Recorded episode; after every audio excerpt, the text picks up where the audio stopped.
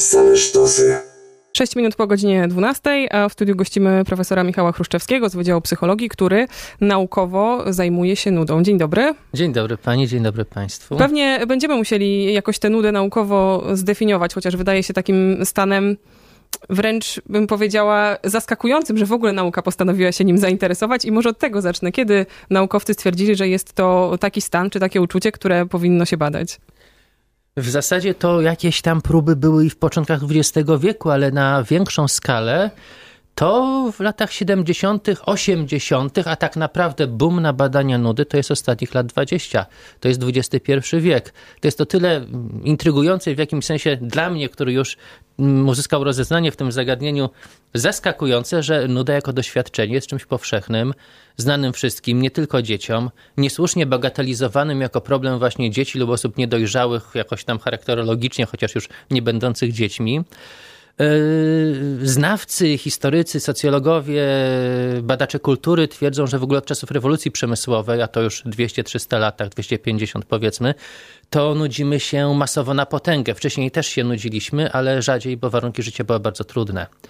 Zatem można powiedzieć, że zainteresowanie psychologii akademickiej badaniami nudy jest diabelnie spóźnione, ale dobrze, że że, że jest wreszcie. Ja i tak pomyślałam dokładnie odwrotnie, że XXI wiek, a pan mówi, że boom na badania o nudzie, a to są czasy, w których wydaje mi się, że przynajmniej w mojej bańce, mało kto się nudzi, albo mało kto się do tego przyznaje, bo nudzenie się jest chyba jakoś kojarzone negatywnie. No można by robić tyle wspaniałych rzeczy, nie wiem, dokształcać się, sporty uprawiać, a nie nudzić się w takim stereotypowym pojmowaniu. Czy ten wizerunek nudy faktycznie jakiś taki jest nie do końca pozytywny?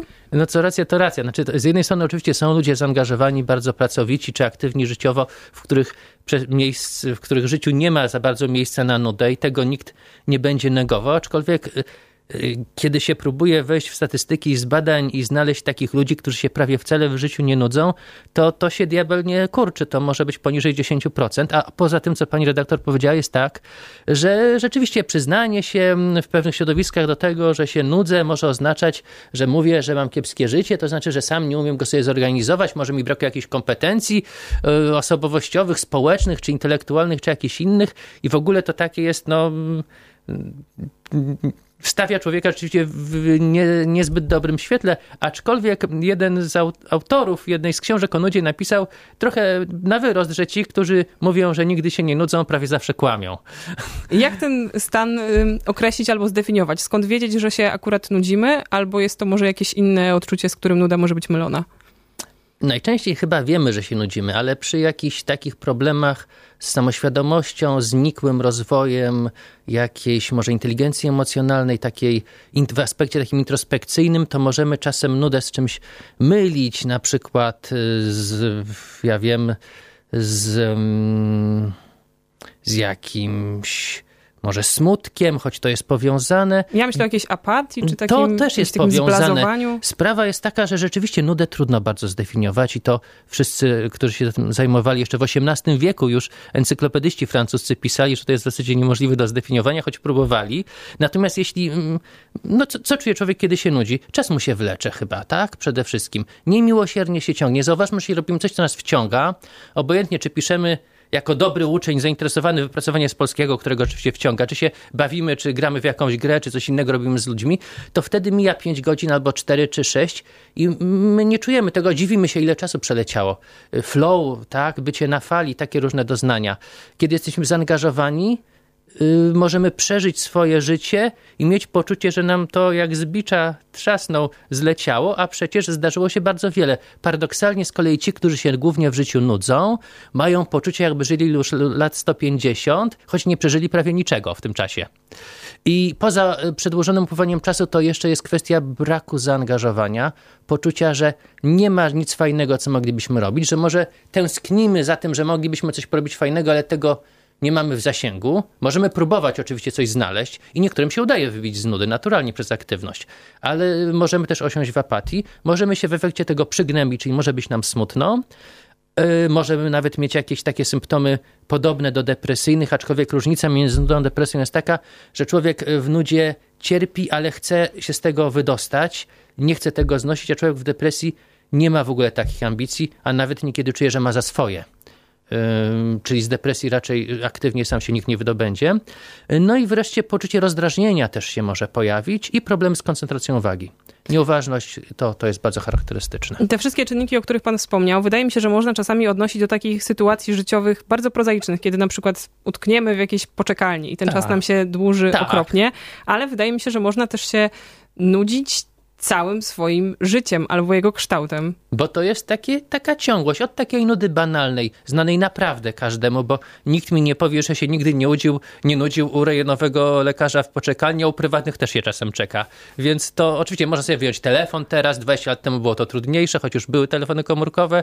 Można ale sobie książkę wziąć. Zawsze... Tak, ale też ile można czytać jakąś głupią gazetkę. Więc to, to jest jasne. To jest taka nuda sytuacyjna, przelotna, Tutaj to wystarczy ją znieść. Ona niczym nam nie grozi też. To jest y, nieuchronne doświadczenie, ona zawsze mija. Sytuacje, kiedy jest monotonia, rutyna, nie mamy za bardzo swobody wyboru zachowań, yy, otoczenie jest mało pobudzające, to tak. I można to potem stopniować. Brak sensu w tym, co robię w pracy, na przykład. Yy, jałowość mojego związku, czy jakaś pustka relacji z dzieckiem, aż po to, co pani, mm, o co pani zahaczyła w swojej powiedzieć, czyli taki już na najwyższym poziomie to mamy nudę egzystencjalną, godną Morawi, Sartra i tak dalej, czyli taki zupełny krach. Poczucie, że życie jest puste, niczego nie przeżyłem, a jeśli nawet coś przeżyłem, to to było powierzchowne, nieudane. Moje wybory doprowadziły do jakiejś klęski, nie warto niczego robić, nic nie można zrobić, czy wręcz już w takim ujęciu, no bardzo już filozoficznym, nuda jako odmowa zaangażowania w istnienie, odmowa zaangażowania w świat, bo świat postrzegam jako nie dość dobry dla siebie, niewystarczający. I to może być narcystyczne, ale nie musi. To może być też doświadczenie bardzo uogólnione, doświadczenie wielu sytuacji osamotnienia, alienacji, deprywacji czy fiaska różnych prób zaistnienia. Tak? Przy czym tu mówimy już o takim czymś bardzo głębokim, co zaz czemu zazwyczaj towarzyszy depresja kliniczna i parę innych paskudnych rzeczy. Nuda przewlekła, niekoniecznie od razu egzystencjalna, ale długotrwająca jest czymś, czego nie warto znosić. To ma same złe skutki. Z profesorem Michałem Chruszczewskim rozmawiamy o nudzie i podejściu naukowym do tego właśnie stanu. Jak już y, mówię podejście naukowe, to od razu chciałoby się zapytać, jak taką nudę się bada i mierzy? Czy można jakoś ją stopniować na przykład? Tak, no mierzymy w psychologii Staram się wiele rzeczy mierzyć kwestionariuszowo, bo to jest takie bardzo wygodne, ekonomiczne i można łatwo wychwycić różnice ilościowe. Kwestionariusz, czyli lista kilkunastu lub kilkudziesięciu twierdzeń, z którymi się zgadzamy lub nie w różnym stopniu, yy, dotyczących właśnie naszego, naszego samopoczucia. Żeby nie być gołosłownym, to zacytuję jakieś rzeczywiste stwierdzenie z kwestionariusza, yy, jedno czy dwa, żeby, żeby słuchacze mieli wyobrażenie, jak to wygląda. Ja mogę powiedzieć, gdzie pan szuka tego kwestionariusza? W swojej książce. Tak, bo, nazwanej Nuda, ujęcie psychologiczne i humanistyczne. Bo zrobiłem adaptację polską kanadyjskiej skali nudy, zresztą bardzo dobrej skali. No na przykład czas upływa wolniej niż zwykle. Ludziom się dłuży niemiłosiernie czas w nudzie. Czas się wlecze, czuję się znudzony. Czy są takie wprost pozycje? Trudno mi skupić uwagę, odczuwam pustkę, jestem podenerwowany, moje myśli błądzą bez celu, czy nawet drażnią mnie ludzie wokół. Oczywiście, jeśli kogoś drażnią ludzie wokół, i to, to nie musi dowodzić nudy, ale jeśli będzie zbiór odpowiedzi w jedną stronę na całą serię takich twierdzeń, jak te, które wymieniłem lub inne, to to już może świadczyć o nudzie. Poza tym nieraz się wykorzystuje dużo prostsze miary. Po prostu wprost się ludzi pyta, jak często się, drogie dziecko, nudzisz na przykład w szkole, czy codziennie, na każdej lekcji, czy raz na tydzień, czy w ogóle prawie, albo człowiek jak się w pracy nudzi. Czyli to są takie deklaracje badanych. Tak jakoś się chyba utarło i wydaje mi się, że różne twory kultury jakoś wbudowały w nas takie przekonanie, że z nudzeniem się związana jest też taka czynność jak ziewanie. W filmach się ziewa na przykład, albo, a już postacie w bajkach na pewno jak się nudzą, to ziewają. Czy to ma jakiś w ogóle związek z Związek prawdziwą jest, nudą? chociaż y, mniej oczywisty niż się wydaje. Nawet mnie to samego zafrapowało i najkrótszy z rozdziałów mojej książki poświęcony jest ziewaniu. Rozdział jest najkrótszy, ale aż gęsty od różnych wyników badań i hipotez i też Y, kiedy ja w tym zyskiwałem orientację, to doszedłem do wniosku, że prawdopodobnie jest tak, że y, nuda, że ziewamy generalnie w stanach niskiego pobudzenia, a niskie pobudzenie to nie tylko nuda. To także senność. Jeśli wieczorem jesteśmy senni, to niekoniecznie dlatego, że się znudziliśmy całym dniem, choć to nie jest wykluczone. Y, zatem w stanie niskiego pobudzenia, pobudzenia ziewamy. I to jest pojęcie szersze, szersze, czyli ziewamy w nudzie między innymi, ale nie ziewamy z nudów. prawdopodobna jest taka hipoteza komunikacyjna, że ziewaniem sygnalizujemy otoczeniu społecznemu swój stan. Ludzie się też potrafią zarażać ziewaniem, mm, czego nie obserwujemy o, u zwierząt to jest potwierdzeniem tej hipotezy. Natomiast różne takie hipotezy, jak termoregulacyjna czy oddechowa, łączące nudę rzekomo z tym, że to ma chłodzić jakoś na przykład nerwowy mózg, one się wywodzą tak naprawdę, przypuszczam, że może nawet i od Galena albo Hipokratesa jakoś pośrednio, w każdym razie z prastarej medycyny, ale były weryfikowane empirycznie i, i nie są nic warte. Y, to w to wierzyć nie należy. A czy jest y, chociaż trochę prawdy w powiedzeniu umrzeć z nudów? Niestety jest aż za wiele. Mm, po pierwsze, y, to jest oczywiście metafora, ale ona niekiedy się ucieleśnia. Możemy umrzeć z nudów, y, najogólniej mówiąc, na dwa sposoby. Pierwszy to jest taki drastyczny, kiedy przedawkujemy na przykład jakieś środki psychoaktywne wzięte dla rozrywki i umrzemy wbrew usiłowaniom, albo będziemy się bawili w jakieś głupie lub ryzykowne zabawy i nie będziemy mieli szczęścia. Y, albo będziemy jechali samochodem, często po pijanemu, nuda z tym koreluje. E, drugi sposób, mniej drastyczny, mm, to jest po prostu to, że jeśli człowiek się przewlekle nudzi w ciągu swojego życia, w pracy, w domu, tak ciągle w zasadzie, to yy, żyje krócej. Były badania podłużne z udziałem urzędników służby cywilnej Wielkiej Brytanii. Y, ci, którzy się nudzili non-stop w pracy, nie było ich wielu, 2% y, zdaje się. Tych, którzy się często nudzili w pracy, było oczywiście więcej, ale skupiono się na tych, którzy się ciągle nudzili. Y, to u nich było nieproporcjonalnie więcej zgonów w perspektywie oczywiście paru dekad z powodu chorób, głównie ze strony układu krążenia.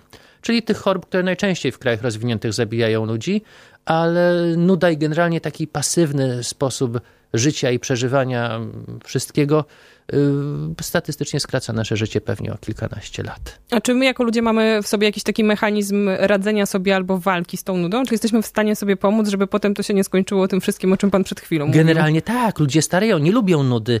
Drażni ich to. Po dłuższym czasie ich bardzo denerwuje i starają się aktywnie z nią walczyć i często im się to udaje. Oczywiście mogą wybierać jakieś metody mniej pedagogiczne, jak środki psychoaktywne, czy, czy jazda tam ryzykowna samochodem, czy ryzykowne zachowania seksualne, jak i bardziej pedagogiczne i konstruktywne natomiast zwykle coś z tym robią. Niekiedy jednak są w takim położeniu życiowym lub mają jakieś problemy emocjonalno-osobowościowe, że mm, nic się nie da z tym zrobić lub ich działania mm, ponoszą fiasko i wtedy mamy do czynienia już z taką bardzo przewlekłą nudą utrwaloną, która sprzęga się zwrotnie z wieloma innymi problemami niestety, i to już jest trudne do przerwania i bardzo, bardzo szkodliwe i właśnie może doprowadzić na przykład do krótszego życia chorób psychosomatycznych czy też zaburzeń psychicznych. A czy coś dobrego z tego stanu może dla nas wynikać? Tak, ale nie z tej nudy przewlekłej, z tej sytuacyjnej, o której wcześniej mówiliśmy przed przerwą, z tej przelotnej, kiedy y, coś mnie nudzi, ale nie aż tak, żeby mnie przygnębić czy zdenerwować, bo nie trwa tak długo. Poza tym wiem, że nawet najnudniejszy wykład kiedyś dobiega końca, prawda, czy lekcja w szkole. Y, albo też lekarz w końcu mnie przyjmie w tej przychodni, kiedy już tyle siedzę pod drzwiami. Tutaj nie ma takiej perspektywy zagrożenia beznadziejnością. Jeśli sobie więc się nudzę tak sytuacyjnie, przelotnie, to sobie czasem o czymś myślę. Myślę o niebieskich migdałach niekiedy, o rzeczach oderwanych. Nie myślę może o czynnościach do wykonania, nie skupiam się na jakichś zadaniach, błądzę myślami. Takie błądzenie myślami jest mentalnie fajne i korzystne, bo możemy. Nasz mózg w ogóle wchodzi w inny sposób działania, w tak zwaną sieć stanów wzbudzeń podstawowych, która się łączy z brakiem aktywności celowej, ale wtedy też możemy aktywować różne obszary w mózgu, w szczególności takie, które zazwyczaj jednocześnie aktywowane nie są, co toruje drogę odległym skojarzeniom. Odległe skojarzenia czasem są tylko dowcipne, fajne lub dziwne, niekiedy może trochę głupie, ale niekiedy bywają nawet twórcze. I wykazano w badaniach, panie Mann i Kadman w Stanach Zjednoczonych zrobiły takie dosyć proste badanie, kiedy kazały uczestnikom czytać książkę telefoniczną, wtedy jeszcze były jakieś książki telefoniczne, y, no to przez 15 albo 30 minut, ale to wystarczy, żeby się znudzić. Y, grupa kontrolna oczywiście nie czytała żadnej takiej nudnej książki, a później badani rozwiązywali serię testów badających elementarną mechanikę kreatywności, czyli właśnie bazujących na oryginalności skojarzeń mm, i tym podobnych sprawach czy oryginalności jakichś pomysłów i rzeczywiście grupa, która czytała książkę telefoniczną, wypadła jako bardziej twórcza.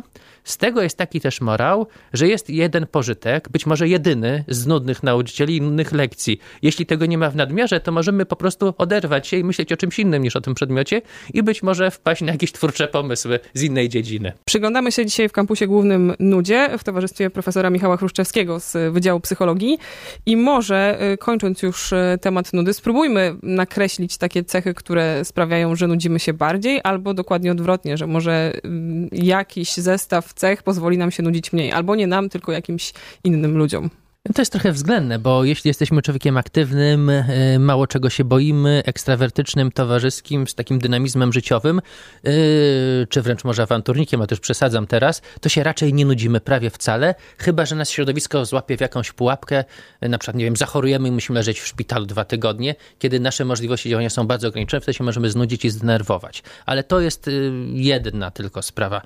Częściej jednak nudzą się inni ludzie, tacy, którzy są bardziej melancholiczni, y, mniej aktywni, mniej towarzyscy, y, spokojniejsi, popadają w apatię.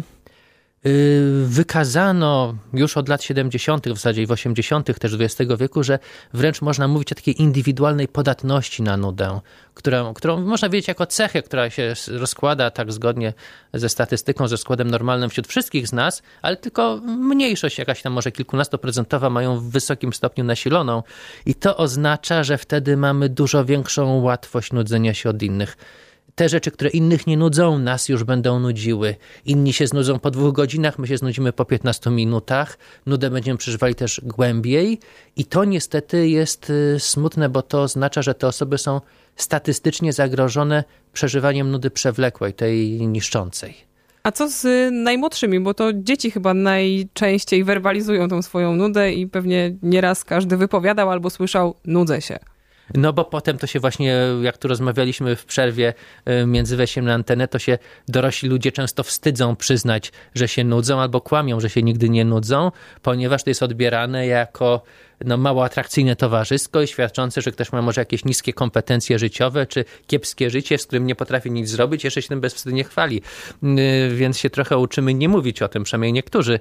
Y, dzieci oczywiście się nudzą i warto rzeczywiście wtedy się tym zająć, y, bo generalnie najczęściej statystycznie ludzie, nudzą się ludzie młodzi, może nawet nie dzieci, tylko trochę później, ale taka, taki sygnał, że się nudzę, to może być coś banalnego, wystarczy dziecko czymś zająć, albo też trochę je uczyć tolerowania nudy, bo to też jest ważna umiejętność.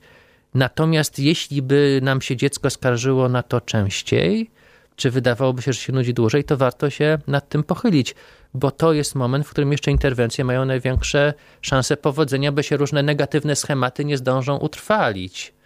I jak mówię, to są dwie rzeczy. Jedna rzecz to warto, czego we współczesnej cywilizacji brakuje, uczyć ludzi, dzieci przede wszystkim tego, że nie wszystko jest bardzo bombastycznie atrakcyjne, fantastyczne, że nie wszystko musi być bardzo stymulujące i że ważne też czynności czasem, czy w, w szkole, czy w pracy mają prawo być trochę nudne, że wielkie dzieła literatury światowej i różne inne też mają nudne fragmenty i że generalnie nudę w rozsądnej dawce warto znosić, ale w rozsądnej. Jeśli to ma być przewlekły stan yy, ciągnący się przez w naszym życiu i, i nas wykańczający, to już nie. Stąd można tak w pedagogice nudy mówić o tym, że, że właśnie nuda to jest takie światełko ostrzegawcze. Wtedy się warto zainteresować, czy to jest nuda sporadyczna, czy to jest coś, co już trwa trochę. Jeśli by było to drugie, to wtedy jakoś interweniować. I właśnie ta interwencja polega na y, spotkaniu ze specjalistą? W sensie myślę no niekoniecznie, znaczy nie, nie od razu. To najpierw przede wszystkim y, kwestia tego, jaki mamy kontakt ze swoim dzieckiem i co o nim wiemy, mhm. Y, no bo to może być kwestia czasem pomocy, a czasem może, jest, może być tak, że dziecko mówi, że się nudzi, a tak naprawdę chodzi o coś trochę innego. Mhm. To, to jest różnie. Myślałam o dorosłych, szczerze mówiąc. A, a nie, w porządku.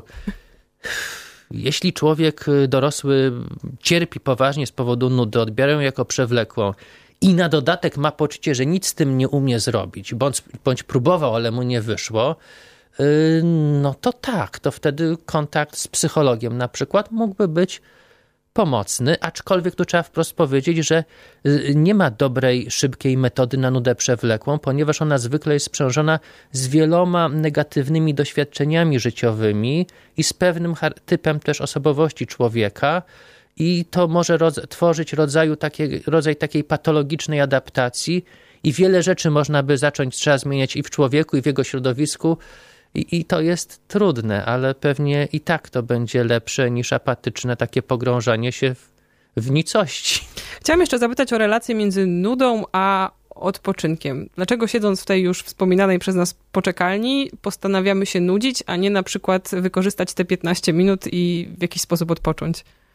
To pewnie zależy od człowieka, od usposobienia, od jego podejścia do organizowania sobie czasu, od postawy życiowej. Niektórzy są bardziej aktywni, inni są bardziej pasywni. Wreszcie też możemy przyjść do lekarza i myśleć, że nas po pięciu minutach przyjmie, a tam się coś przeciągnęło i przyjmie nas po 35. Nie spodziewaliśmy się tego, prawda? Zaskoczyło nas. Natomiast wypoczynek jest oczywiście bardzo ważny. Nie należy go poświęcać na rzecz pracy. Wykazano, że ludzie z tendencjami mm, takimi yy, do pracoholizmu nie potrafią sensownie odpoczywać, yy, co im szkodzi. Badano też nudę w czasie wolnym, budowano nawet skale kwestionariuszowe nudy wypoczynkowej ponieważ no, część ludzi nudzi się również w czasie wolnym, który powinien być przeznaczony na rozrywki. Owszem, częściej nudzimy się pracy lub, w pracy lub w szkole niż w czasie wolnym, bo w czasie wolnym mamy więcej swobody robienia tego, co chcemy. Ale jakiś odsetek nudy znaczący, powiedziałbym, że jakieś 12%, y, w krajach rozwiniętych, w Polsce dużo więcej, bo były takie badania międzynarodowe, które pokazały, że Polacy są w czołówce europejskiej pod względem nudy w czasu wolnego. To były badania sprzed dobrych paru lat, już nie pamiętam dokładnie, ale pamiętam, że to chyba 46% Polaków nudziło się w czasie wolnym, podczas kiedy 11% y, Szwajcarów. To były dwa bieguny. Y, dystansowali nas w skali świata mieszkańcy Filipin, Republiki Południowej Afryki i paru jeszcze krajów, gdzie życie jest bardzo ciężkie albo nawet straszne. Natomiast y, Polacy tu byli pewnym pewnym ewenementem. Niektórzy to tłumaczyli, znaczy sami autorzy tych badań tłumaczyli, zdaje się to y, odległym efektem y, naszej transformacji ustrojowej, która na tle wielu krajów, może poza Rosją, y, była bardzo gwałtowna i przebiegała, niesłychanie szybko i wielu ludzi zostało zmarginalizowanych socjoekonomicznie. A to, że w czasie w czasie wolnym, podczas na przykład czytania czy oglądania nie potrafimy się skupić, utrzymać swojej uwagi, sięgamy po telefon, to też jest przejaw nudy czy czegoś innego? To jest złożone, bo to jest tak, że możemy z, z, z nudów oczywiście nam uwaga siada, ale może być też tak, że my mamy z jakichś innych problemów, trudno, powodów problemy ze skupieniem uwagi i nie mogąc się na czymś skoncentrować, wtórnie zaczniemy to interpretować jako nudne. No skoro nas nie wciąga, to pewnie jest nudne. Generalnie no właśnie na tym polega problem z nudą, że my możemy odbierać coś jako... Yy, nudne. W efekcie nam spadnie uwaga, w efekcie zaczniemy gorzej to wykonywać. Będziemy mieli mniejszy sukces, możemy się też zniechęcić. Yy, w związku z tym będziemy mieli mniejsze poczucie zaangażowania i sensowności. Ale może być w drugą stronę. I w badaniach też tak było, że celowo indukowano u ludzi stan rozkojarzenia, utrudniono im skupienie uwagi i oni, oni wtórnie nabawiali się nudy. Zależność jest dwukierunkowa. Moglibyśmy jeszcze pewnie długo o tę nudę podpytywać i słuchać. Tym, którzy chcieliby dowiedzieć się więcej, odsyłamy albo na jakieś konfrontacje na Wydziale Psychologii z profesorem Michałem Chruszczewskim, albo do książki Nuda, ujęcie psychologiczne i humanistyczne. Bardzo dziękuję. Dziękuję bardzo. Same sztosy.